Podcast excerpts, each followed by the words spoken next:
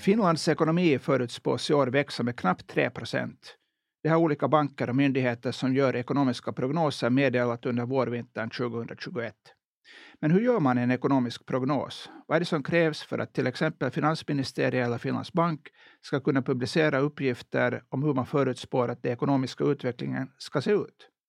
Och hur hänger olika fenomen i samhällsekonomin ihop? Hur påverkas den ekonomiska tillväxten till exempel av sysselsättningsläget? Vilken roll har exporten och importen, konsumtionen och investeringarna? Alla dessa frågor och många andra ska vi försöka reda ut i det här avsnittet av Penningpodden, som alltså handlar om ekonomiska prognoser. Jag heter Rickard Brander och jag är styrelsemedlem i Ekonomiska samfundet och till vardags senior kommunikationsexpert på Finlands Bank. Välkomna till podden.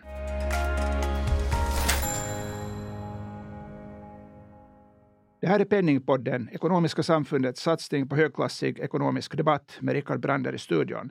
Med mig för att diskutera ekonomiska prognoser har jag politisk doktor Annika Lindblad, ekonom på Finlands Banks eh, prognosbyrå och Roger Westman, en mångsidig veteran inom nationalekonomisk analys i Finland. Välkomna. Tack. Tack, trevligt att vara här. Låt oss börja med dig, Annika. Eh, många nationalekonomer i Finland arbetar på myndigheter och banker med att utarbeta ekonomiska prognoser. Men ofta slår beräkningarna fel. Varför bör man ändå försöka? Varför är ekonomiska prognoser viktiga och värdefulla? Alltså jag ser mitt arbete med makroekonomiska prognoser som viktigt för egentligen hela samhället. Det är svårt och det är det här och det går ganska ofta fel, men det är något som man måste bara acceptera i den här branschen, att de exakta siffrorna är ganska svåra att träffa. Men det är ändå bra att det finns människor som funderar på ekonomin som en helhet, som lyfter fram de här riskerna som vi ser och ger verktyg åt beslutsfattare och företag att liksom planera framåt. Att där tycker jag att det är den viktigaste rollen som makroekonomiska prognoser har, att ge en grund på vilken andra människor kan göra beslut. Eh, Roger, du jobbar som fristående analytiker. Eh, vilket värde lägger du vid ekonomiska prognoser? Eh, jag håller nog med Annika om att det viktiga i dem är att de skapar en grund för de beslut som fattas både eh, inom offentliga sektorn, det vill säga uppgörande av statsbudgeten, Finlands banks eller Europeiska centralbankens penningpolitiska beslut, men också inom privata företag. Det är en grogrund man behöver för att kunna planera framtiden så behöver man någonting att stå på och då är ändå de ekonomiska prognoserna en bättre grund än att var och en skulle försöka själv gissa vilt vart det går. Om vi tar till exempel fjolåret när pandemin slog till så slog ju ekonomiska prognoserna fel och, det var hemskt svårt att prognostisera utvecklingen.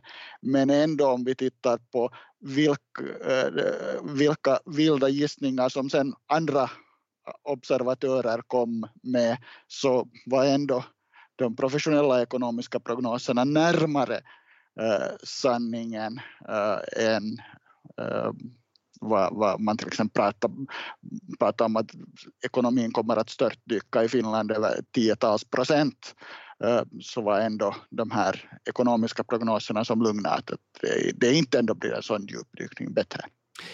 Eh, Finlands bank publicerade den 19 mars nu våren 2021 en interimsprognos för den finländska ekonomin. Eh, låt oss börja där, diskutera lite Eh, läge i det i ekonomin just nu. Annika, eh, vilket är det huvudsakliga innehållet i Finlands Banks nya prognos? Eh, jo, vi faktiskt uppdaterar vår prognos från december här nyligen som du sa och speciellt i och med då att förra årets tillväxt så visade sig vara starkare än vi hade förväntat så det här reviderar vi lite uppåt vår tillväxtprognos för i år. Att nu förväntar vi oss att Finlands ekonomi växer där mellan 2,5 och 3 procent både i år och nästa år med den privata konsumtionen som den starkaste drivkraften. Att förstås den här osäkra pandemisituationen, så det här förstås väger på, eller tynger på tillväxten här i början på året och förstås också överlag på längre sikt så hänger ju mycket på hur den här coronasituationen nu här utvecklar sig.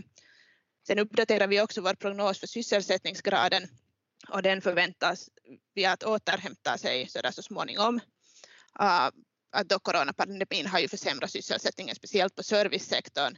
Ah, men effekterna kan förstås bli tillfälliga ifall efterfrågan sen återhämtar sig, ah, vilket det förstås kan göra om och när pandemin får igen i styr.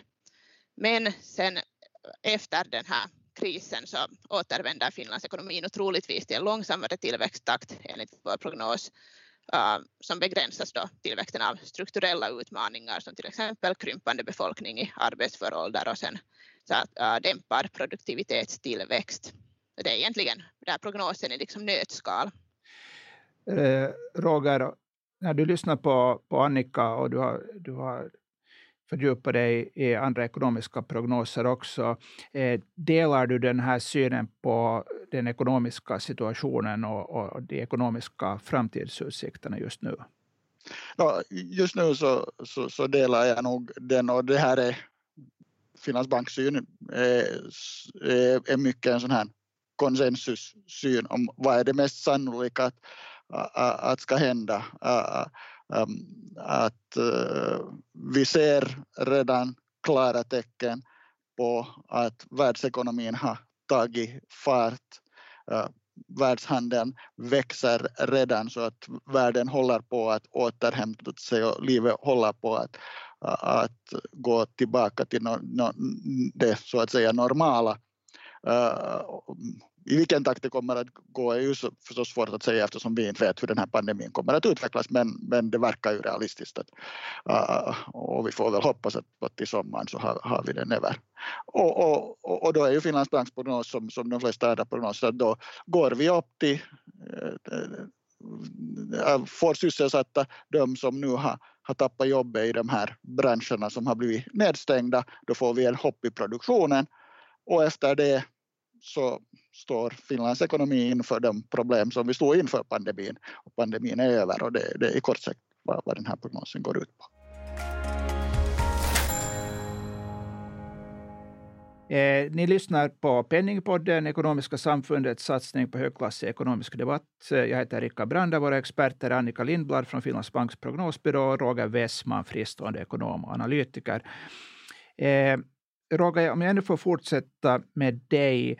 Ehm, det finns alltså många olika instanser som gör ekonomiska prognoser. Men eh, låt oss lite diskutera vad beror de här skillnaderna på i prognoserna? Hur gör man en prognos och, och, och det här? Jag tänker, jag tänker på att för många lekmän som inte har ekonomisk eh, utbildning eller bakgrund så är det kanske svårt att förstå att eh, vad, det, vad det riktigt handlar om. Men kan man i korthet säga att, att allting bygger på på någon form av nationalekonomiska lagar eller, eller eh, samband som, eh, som det kanske skulle vara bra att folk förstår sig på. Till exempel att bruttonationalprodukten inom ekonomisk teori definieras som konsumtion plus investeringar plus att man beaktar eh, utrikeshandeln. Är, är, är, det här, är det här som är liksom bakgrunden till det här analytiska arbetet, om, om, om Roger börjar? No, alltså det, eh, det, det är ju sådär i mycket enkelt sätt så, så kan man ju säga ju, att, att en av grundstenarna att göra upp en prognos är ju att, att tillväxten i bruttonationalprodukten beror på hur mycket det konsumeras, hur mycket uh, det där um, hushållen konsumerar. Hushållens konsumtion utgör den största delen, hälften av, av bruttonationalprodukten eller, eller, uppgår till ungefär hälften av bruttonationalprodukten i, i, i Finland. Sen är det hur mycket företagen investerar och hur mycket vi exporterar. Så det är de här drivkrafterna och, och, fast hushållens konsumtion är den största faktorn så i regel det som driver de här konjunktursvängningarna är för Finlands del hur går det för vår export så vi är mycket beroende av omvärlden och hur mycket företagen investerar. För att även om investeringarna är en relativt liten del av ekonomin jämfört med konsumtionen så de fluktuerar mycket. Att konsumtionen brukar i regel hållas ganska stabil. Här är den här pandemin i fjol har vi på det sättet varit en speciell att det är en, eh, en av de få lågkonjunkturerna där uttryckligen konsumtionen har drabbats därför att vi har stannat ner konsumtionen. Så det är en utgångsläge och när du funderar till exempel hur den här pandemin påverkar ekonomin och försökte göra en prognos för bruttonationalprodukten förra året när den här pandemin slog till. Så då kunde du ju inte använda några gamla empiriska modeller som baserar sig på hur det har gått tidigare för att den senaste ordentliga pandemin vi hade var spanska sjukan efter första världskriget och den är, den är inte särskilt relevant. Det finns inga makroekonomiska modeller som är kalibrerade efter den. Så vad du börjar göra är att du funderar på att vilka aktiviteter är det som stängts ner? Vilken till exempel restauranger, hotellbransch, flygresan, så tittar du hur stor andel de utgör av ekonomin så kunde du uppgöra en, en grov prognos. Så det var ett sätt att göra det. Eh, Annika, du jobbar eh, på heltid med övriga nationalekonomer på Finlands banks eh, prognosbyrå och gör ekonomiska prognoser. I hur stor utsträckning handlar det här om, om någon form av datasimulering och i hur stor utsträckning om, om, om gott omdöme? Hur gör man en ekonomisk prognos? Det är en kombination av båda hos oss. Att på Finlands bank så vi använder uh, som bas för våra prognoser en sån här ganska komplicerad modell med väldigt många ekvationer som då alltså kallas en ny keynesiansk allmän jämviktsmodell. Och, och den här modellen heter AINO. För sådana här modeller så brukar ha ett namn, att till exempel motsvarande modellen på finansministeriet så heter KOMA och sen tror jag att Riksbankens motsvarande modell heter Ramses till exempel. Så, så de brukar ta, till, tilltalas så där vänligt med sina, med, med sina namn. Så det här, den här Aino-modellen så den ligger då som liksom bas för alla prognoser hos oss. Men den största nyttan med sådana här väldigt stora och komplicerade modeller så är att de försöker beskriva uh, ekonomin som en helhet, alltså den strukturen på den här ekonomin. Så att då blir de här prognoserna som man gör på basen av den så blir då som vi kallar det liksom internt konsistenta så att säga så att den här liksom uh, allt går liksom ihop i de här modellerna. Att om man ändrar på någonting någonstans så påverkar den logiskt andra delar av prognosen. Och i en ekonomi då allt påverkar allt så är sådana här modeller då gjorda för att analysera liksom effekter i ekonomin. Men sen måste man alltid ändå komma ihåg att fast vi har en sån här komplicerad och fin modell så den spottar liksom inte bara ut prognoser av sig själv utan de som använder och tolkar den här, den här modellen så måste då förstå sig på den här ekonomin. Att den här modellbaserade prognosen så bygger väldigt mycket på omdöme som Roger här just sa till exempel under coronakrisen så, så det här fanns det ju inga modeller som skulle vara liksom estimerade på sån data som vi såg uh, förra året. Att, uh, de här resultaten måste liksom analyseras och den här prognosen diskuteras ingående med kollegor och se hur vi som experter ser att ekonomin kommer att utvecklas, hur de här olika sektorerna i ekonomin kommer att utvecklas.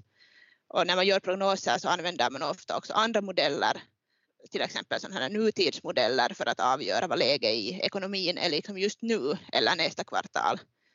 Och omdöme behövs också när man tar i beaktande ett beslut angående den offentliga ekonomin till exempel, så man måste liksom mata in, in de här liksom, och, eller, eller, eller berätta att den här modellen, att vad för beslut som har liksom tagits. Så jag skulle säga att liksom, modeller är en liksom nyttig hjälpreda i den här prognosprocessen och de hjälper att se liksom sambandet och effekterna i ekonomin men det behövs alltid experter för att det ska faktiskt bli en liksom bra pro prognos utav det. Ni lyssnar på Penningpodden, Ekonomiska samfundets satsning på högklassig ekonomisk debatt i Finland. Jag heter Rickard Branda. Våra experter Annika Lindblad från Finlands bank och Roger Wessman, fristående ekonom och analytiker. Låt oss tala lite om osäkerhet. För att uppenbarligen så är det ett viktigt tema då det gäller ekonomiska prognoser. Och för ett år sedan slog pandemin till och alla siffror måste plötsligt revideras. Hur, hur hanterar ekonomer och prognosmakare osäkerhet? Om du börjar, Roger. Ja, alltså just eh, speciellt när det gäller den här pandemin så var det ju de facto flera prognosmakare som reagerar på den här extrema osäkerheten som pandemin uh, orsakar genom att inte bara komma ut med en prognos utan genom att presentera olika scenarier. Att beroende på hur snabbt den här pandemin fås under kontroll så, så såg man då olika uh, Eh, utvecklingar från eh, för ekonomin. Eh, att typ om vi relativt snabbt får den här pandemin under kontroll så sjunker BNP med 4 procent. Men om det blir utdraget och vi måste stänga ner samhället ända till slutet av året så kan BNP sjunka med upp till 10 procent. Så, så, på det sättet presenterar och jag tycker att det här var ett, som till exempel Finlands bank gjorde, var, var ett mycket vettigt sätt att, att presentera den här osäkerheten så att eh, läsarna förstår och, och användarna förstår att, att, att det, de här prognoserna är inte givna i sten. Eh, traditionellt så, så har man kanske i kommunikationen fäst för lite vikt vid den här osäkerheten men man har börjat allt mer under de senaste åren komma till det här och, och till exempel finansministeriet presenterar i samband med, med, med sina prognoser också en, en, en uppskattning av hur väl deras prognoser har fallit ut tidigare, det vill säga vad är den typiska osäkerheten. Jag ska be Annika eh, komma in här eh, just på det här temat som Roger berörde, att eh, om man ser på våren 2020 när pandemin slog till, hur tycker du, hur bra klarar prognosmakarna av att hantera den här nya situationen? Det kan säkert alla analysera genom att jämföra de här prognoserna som vi här gjorde med det, med det här utfallet som sen liksom som, eller som, som det sen blev, men att det här tycker jag att liksom, äh, prognosmakare på sätt och vis nog vana vid att liksom tänka kring osäkerhet och tänka kring risker och sånt här, att det, att det är någonting som man sen gör liksom också, också i liksom nor, normala tider. Att förstås förra våren var ju helt speciellt mycket osäkerhet kring det här. Den här ekonomiska situationen förändrades väldigt, väldigt fort och det var svårt att ens hitta ekonomisk data som liksom skulle ha, skulle ha liksom representerat den där liksom situationen väl. Att som Roger sa så som precis som många andra så gick vi till det här att vi började göra scenarier på basen av den här pandemiutvecklingen för att som ekonomer så, så det här var ju förstås pandemisituationen ganska svår för oss att det här förutspå. Och jag tycker det lyckades alltså helt bra i och för sig att det här att det här just göra de här olika scenarierna för de är jättebra då, ett bra verktyg då när man har väldigt stor osäkerhet uh, kring prognoserna redan på väldigt kort sikt. Så då är sådana här liksom, uh, scenarier väldigt, väldigt bra verktyg. Eh, eh, om jag får säga här, så, så är det fascinerande sak att de första prognoserna som gjordes upp när pandemin slog till i, i det där i april, mars-april var egentligen ganska bra. Mm. Eh, de, de, de, de om, om eh, huvudprognosen var, var, var då utgick då på en kring 4 procents nedgång i ekonomin och det vi slutar på, på, på eh, enligt de nuvarande siffrorna på minus 2,8 vilket i ett sådant här osäkert läge var, var, var ytterst bra. Sen av någon orsak under de följande månaderna så justerades prognoserna många prognosinstitut kraftigt ner sina prognoser. Och det verkar ha funnits en, en sån här, eller som jag tolkar det, fanns en oro för att man ville inte vara för optimistisk. Man var rädd att vara för optimistisk. Man, man, när, när det var ett sånt här krisläge på och, och den här allmänna stämningen var, var, var oroen. Så, så, så drog, jag menar, prognosmakarna är människor också så de, de drogs med av det här. Och då vissa av de där prognoserna som, som gjordes under våren så upplevde jag redan då, jag skrev redan då på våren att, de här prognoserna börjar vara alldeles för pessimistiska. Och vilket ju sen visade sig vara fallet. Nå, det kan ju hända att de skulle, om, om saker och ting skulle ha gått på ett annorlunda sätt så, så, så skulle de ha kunnat slagit i så att det är lätt att vara efterklok men att det där eh, det, det bara understryka att det finns en sån här mänsklig aspekt i att göra prognoser. De är inte bara objektiva fakta. Och ibland kan det där att om man bara försöker hålla sig till objektiva fakta så kanske man gör bättre prognoser. Känner du, eh, Annika, igen dig i det här? Det var kanske lite kritik eh, här från Rogers sida mot officiella prognosmakare. Jag måste säga att Finlands bank var inte, var inte värst i det här. Att, att Finlands bank hörde, hade, hörde till, de mest optimistiska prognoserna. Alltså man känner ju nog igen igen det här på det sättet att, att vi har också själva när vi har tittat på våra prognoser så det här är helt sant som Roger säger att där prognosen för mars så tycks förra året så tycks vara närmare sanningen än prognosen från det här juni. Att det här den på sätt och vis den ekonomiska situationen så det lyckades liksom, äh, uh, verkar att den blev liksom sämre under våren och det här påverkar de här prognoserna som sen gjordes där mot liksom slutet av den här våren negativt när det kom mera och mera negativ data. På sätt och vis de prognoserna görs ju förstås i det här i det läge som och med den informationen som man har då när man liksom gör prognoserna på basen av den data som det här finns. Men att, och sen förstås så påverkar ju säkert också, också äh, överlag den här liksom stämningen nog, nog också prognoser men att det sånt är det, Pro, ja. prognosarbete.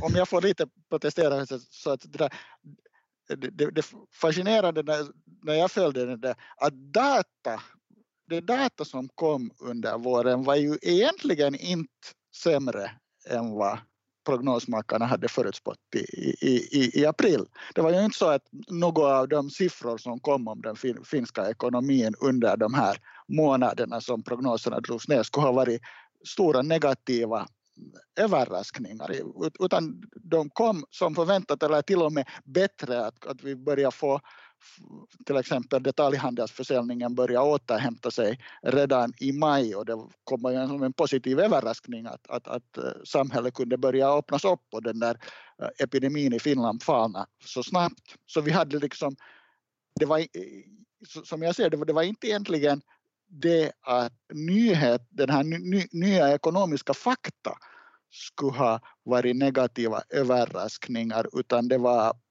bara det att när man diskuterar och förstås funderar över vad som kan hända under pandemin och, och, och det fanns en sån här negativ stämning som liksom cirkulerade som drev den här prognosen.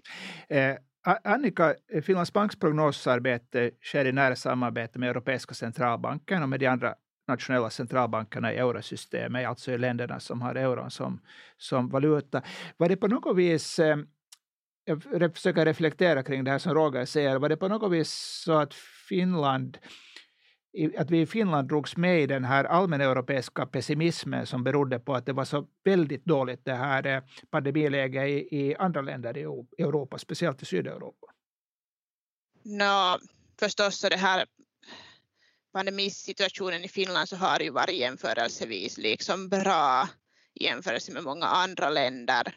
Men att inte skulle jag så säkert att förväntningarna kan ha varit att det finns en risk att pandemisituationen också försämras i Finland då den också är dålig i många andra länder. Så nu påverkar det ju förstås liksom via, säkert via den här allmänna stämningen som det här Roger sa, så den var ju inte så där värst positiv på våren och man visste ju inte hur det skulle hur det skulle gå i Finland. Att det här finländska, eller Finlands ekonomi har ju nu överraskat förra året på den liksom positiva sidan att vi har ju åtminstone en av de liksom minsta minuserna i vår BNP-tillväxt på euroområdet, att Finlands ekonomi var liksom mer resilient än de liksom andra ekonomierna och det var ju inte nödvändigtvis klart uh, för ett år sedan att hur det här skulle spela ut i längden. Ni lyssnar på Penningpodden, Ekonomiska samfundets satsning på högklassig ekonomisk debatt i Finland. Jag heter Erika Brander. Våra experter Annika Lindblad från Finlands Banks prognosbyrå och Roger Westman, fristående ekonom och analytiker. Roger, det finns eh, många olika prognosinstitut. Om vi funderar ännu lite på vilka prognoser du som i ditt eh, arbete följer med det inhemska prognosinstitut förutom eh, Finlands bank och Finansministeriet, till exempel Etla, Löntagarnas forskningsinstitut och PTT. Eh, internationellt finns det också många organisationer som gör eh, prognoser, Internationella valutafonden, EU-kommissionen i Bryssel och så vidare. Vilka prognoser följer du med? Vilka är det som är de relevanta? No, eh, jag följer så tillvida med att jag nu tittar när det kommer en prognos så, så, så tittar jag vad de här prognosmakarna säger. Men som ekonom som är erfaren av att vara med i det här prognosarbetet själv så, så det som jag mest följer nog är, är, är rent det här ekonomiska data, det vill säga eh, statistik på hur ekonomin har utvecklat sig och olika ledande indikatorer Eh, som, som till exempel hur industrins förtroende utvecklar sig som i regel ger, eller alltså därifrån man genast kan få vinkar om vart ekonomin är på väg. Att förstås prognosmakarna använder det här samma data för att uppgöra sina prognoser men eftersom det här prognosarbetet tar sin tid att, att analysera data, att skriva en prognos och, och planera en presskonferens och, mm, och, och, och formulera saker så alltid alla prognoser som presenteras är föråldrade. Och det var ett problem, speciellt i, i fjol förstås när det med pandemin var, var, var så snabba vändningar att speciellt när det gäller sådana stora internationella organisationer som, som Valutafonden och OECD, så de är hopplöst föråldrade. Eh, här, Annika, har väl Roger en, en ganska viktig point som, poäng som han tar upp. Och, men å andra sidan så finns det något som kallas för nowcasting, någon form av eh, prognosarbete i realtid. Va, kan du berätta vad handlar det riktigt om? Mm, ja, så nowcasting eller nutidsprognoser som man kanske skulle kunna kalla det på svenska, så det är alltså sådana modeller som liksom försöker göra prognoser på äh, den ekonomiska situationen just nu i det här kvartalet eller sen följande äh, kvartal. Och de använder då ofta sån här liksom månadsdata äh, som bas för de här prognoserna, ofta en ganska stor mängd med tidsserier och de försöker sammanfatta den här informationen i de här olika indikatorerna och sen berätta hur det här läget i ekonomin ser ut just, just nu. Att förstås då i början på pandemin så de, då de bygger på sån här så att säga vanlig makroekonomisk data som alltid publiceras med fördröjningar av statistikcentralerna så det här reagerar ju inte ens de här nutidsmodellerna tillräckligt snabbt till det här förändrade läget förra våren att det här det är liksom det som är som var kanske pro, problem med dem förra våren men att i sådana här liksom nor, normala tider så är de uh, bra och nyttiga för att liksom följ, följa med var ekonomin ligger just uh, nu för tillfället. Att sen förra våren så blev det ju sen populärt att liksom följa med sån här data som är publicerad på högre frekvens som till exempel uh, bankkortsbetalningsdata och Googles rör, rörlighetsdata som då publiceras med mycket kortare fördröjningar. Det var en grupp av institutioner som du inte nämnde när du räknade upp vem som uppgör ekonomiska prognoser och det är, det där eh, affärsbankerna, bankirfirmor och så vidare som också gör upp ekonomiska prognoser. Och eh, eh, de är oftast uppgjorda betydligt mindre noggrant än vad Finlands Banks prognoser att de är lite sådär skakade ur rockärmen. Ja. Men be, säger det här med en person som har erfarenhet i den här branschen. Men fördelen med de här, vad, vad de här institutionerna i regel koncentrerar sig på är just att vara snabba i att reagera när det sker skiftningar och reagera på ny data. Och, och därför till exempel det där uh, Jyväskylä eh, uh, universitets uh, ekonomiavdelning gör, ger varje år ut, uh, ut en, en, en det där, en kristallkula till den prognosinstitut i, i Finland som bäst har prognostiserat för, föregående års bruttonationalprodukt. De flesta som gör prognoser så tycker att att det är den där liksom berättelsen bakom de där siffrorna och de där riskerna som man lyfter fram i den här prognosrapporten som är viktigare än de där exakta siffrorna. Siffrorna är ett sätt att kvantifiera den här berättelsen åt de som liksom behöver exakta siffror men att det är liksom viktigare att få den där berättelsen rätt än att få exakt de där liksom rätta siffrorna. Du menar att om, om det står att eh, i prognosen att ekonomiska tillväxten blir 2,8 eller 2,6 procent spelar inte lika stor roll som förklaringen och berättelsen om varför man Ja, exakt så här är det den här filosofin som, som, som det här man har när man gör makroekonomiska prognoser.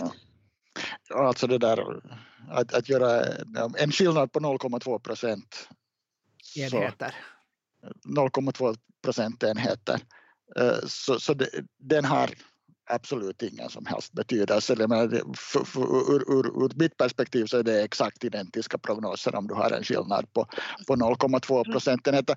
I, alltså, om vi funderar på att mäta Finlands bruttonationalprodukt så ett år i efterskott så kan inte Statistikcentralen säga med en halv procents noggrannhet vad den slutliga siffran kommer att vara all ekonomisk statistik är osäker. Att eh, vi tar ju ofta liksom när statistik, vi pratar nu om att, att bruttonationalprodukten föll 2,8 procent i fjol, för det är vad Statistikcentralen har, ha, ha eh, presenterat. Men de facto är att inte har någon en så exakt uppfattning om vad som har hänt i Finlands ekonomi. Inte, det finns en osäkerhetsmarginal i statistiken som vi är tvungna att, att, att leva med så därför ska man nu inte fästa sig allt för mycket vid de här decimalerna.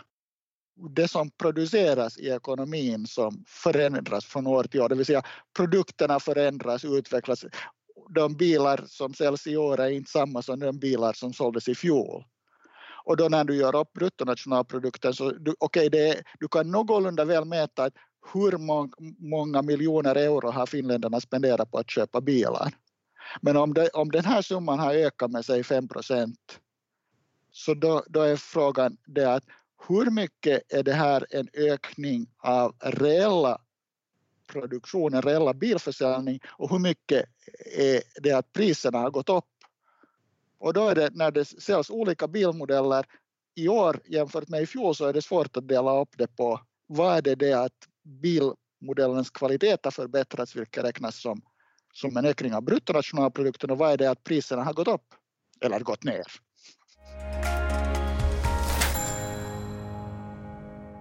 Ni lyssnar på Penningpodden, Ekonomiska samfundets satsning på högklassig ekonomisk debatt. Jag heter Rikka Brander. Våra experter Annika Lindblad från Finlands Banks prognosbyrå och Roger Westman, fristående ekonom, analytiker och eh, även så expert på bruttonationalproduktens komponenter, men det tror jag att Annika också är expert på. Låt oss gå lite till eh, ett vanligt hushåll, en familj, en, vanlig finländare.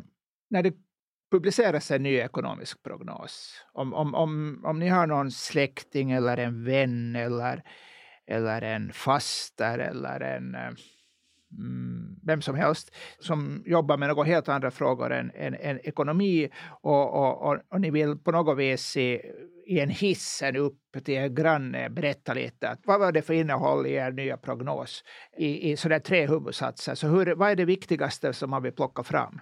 Det allra viktigaste är ju riktningen. Att det, det, den här, en, en, en tillväxt på 2,8 eller 2,6 procent i sig är ju ännu mindre någonting för, för, för lekmannen. Men, men det, det som en siffra på 2,6 procent säger är att för Finlands ekonomi betyder det att vi går mot en bättre konjunktur. Tillväxten är högre än genomsnittstillväxten och det betyder sysselsättningsläget för, förbättras, det blir lättare att få jobb. Och, och det är på den här nivån som, som, som de väsentliga konsekvenserna. Och för, för företagare betyder det att de kan räkna med att deras, speciellt om de är i en konjunkturkänslig bransch, att deras försäljning går bättre. Annika, hur, uh, om du åker hiss med en granne nu förutsätter jag alltså att du bor i ett hisshus, vilket jag inte vet om du gör. Men, eh, men det är inte poängen, utan poängen är det att, att om du vill berätta liksom, eh, den här grannen vet att du jobbar på Finlands Bank med prognoser och, och, och, och, och, och ni har just kommit publicera en prognos och, och grannen frågar att, att hur går det nu vad, vad, är nu det senaste nytt? Hur går det i ekonomin? Om du, om du vill liksom sammanfatta det, hur, hur gör du det? Vad lyfter du fram?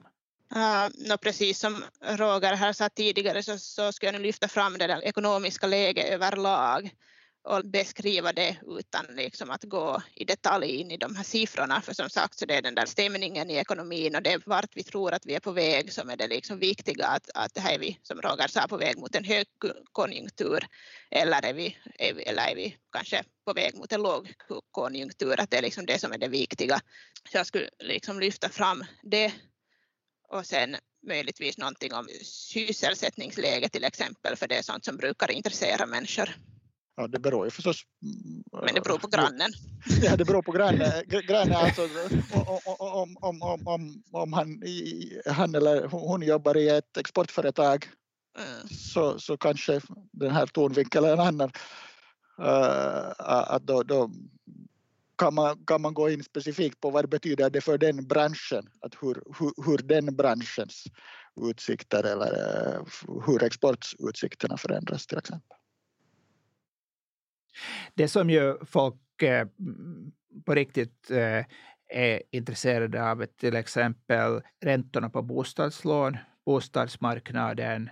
Eh, vad kan man säga där? Eh, eh, centralbankerna brukar inte eh, ge ränteprognoser, Annika. Vad, vad beror det på? Mm, det beror på att det är det här centralbanken som det här sätter de här styrräntorna i den här ekonomin. Så det här, vi blandar oss inte in i den här prognosprocessen utan låter andra människor och den här marknaden sen göra de här prognoserna på våra räntor. Ja, det, det, jag tycker det är intressant att se hur, hur man, man tolkar, man tolkar liksom de här siffrorna på det viset att eh, prissättningen av olika finansmarknadsinstrument. För, för, på basen av dem så kan man dra liksom slutsatser av att räntenivån förväntas eh, hålla sig oförändrad över en viss period och, och första räntehöjningen kommer då och då.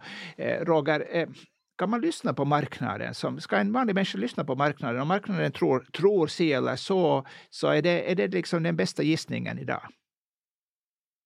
Eh, uh, no, det, det argumentet är ju förstås det att, att, att om, om, vi tittar på marknadsräntorna så det avspeglar ju sig vad placerare och, och, och, stora låntagare, vilka beslut de tar och, och till vilken ränta de är beredda att, att placera sina pengar i, i räntepapper och till vilka ränta de är beredda att, äh, att ta lån.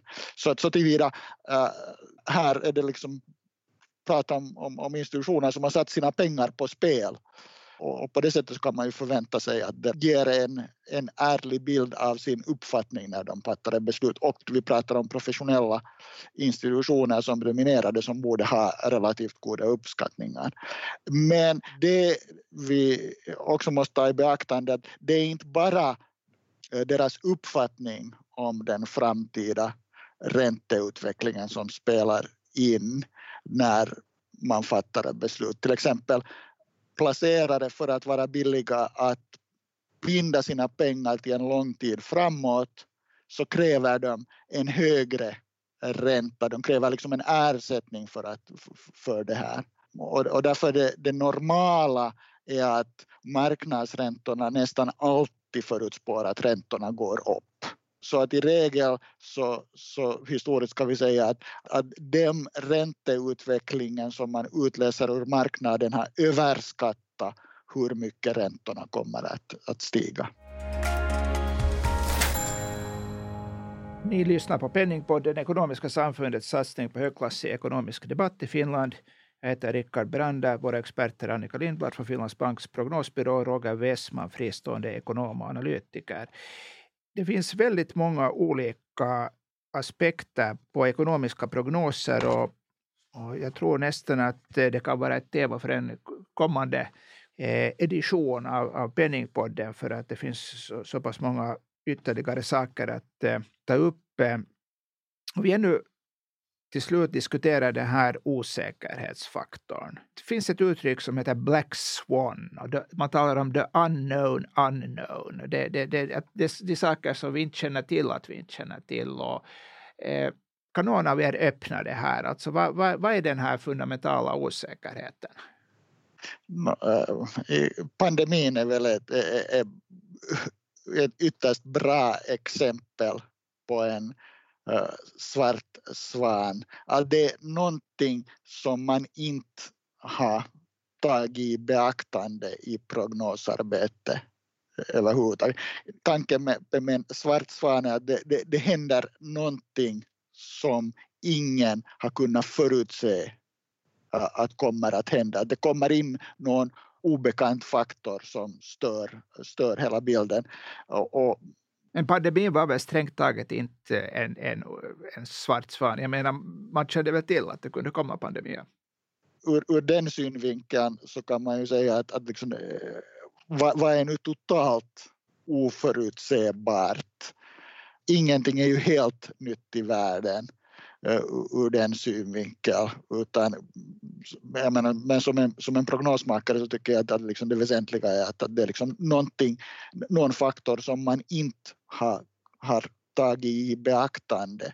Eh, eh, alltså om man tittar på att liksom, du gör, uppgör prognoser på basen av utvecklingen till exempel av, av de senaste 50 åren så försöker du skapa en uppfattning om vad, vad är osäkerheten och vad är riskerna under de senaste 50 åren så har, det, har vi inte haft en pandemi.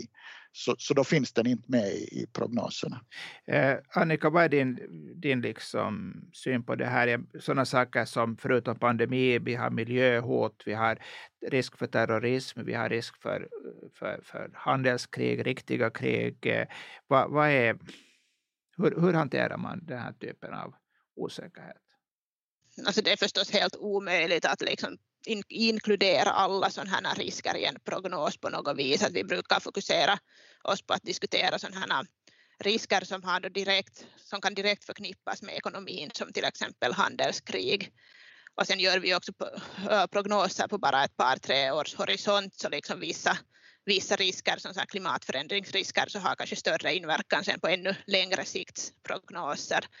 Men jag säga att, att det problemet är att det är omöjligt att, in, att inkludera alla sådana här äh, risker i en basprognos och ofta räcker ju inte ens fantasin till att liksom hitta på vad det skulle kunna komma nästa år. Det var få människor som för två år sedan så trodde att det skulle komma en pandemi som, som skulle räcka så här länge och påverka oss så här mycket.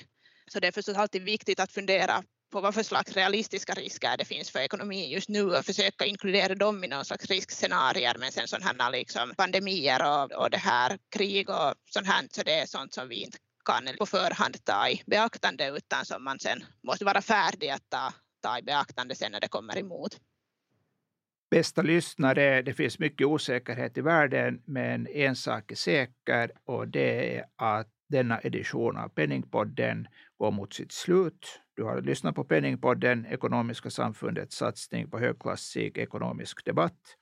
Dagens tema var ekonomiska prognoser som vi har diskuterat med politisk doktor Annika Lindblad, ekonom på Finlands Banks prognosbyrå och Roger Westman, fristående ekonom och analytiker. Tack eh, Annika, tack Roger. Tack. Själv heter jag Rickard Brander, styrelsemedlem i Ekonomiska samfundet och till vardags senior kommunikationsexpert på Finlands Bank. Tack för att du lyssnade på Penningpodden. Vi hörs igen. Hej!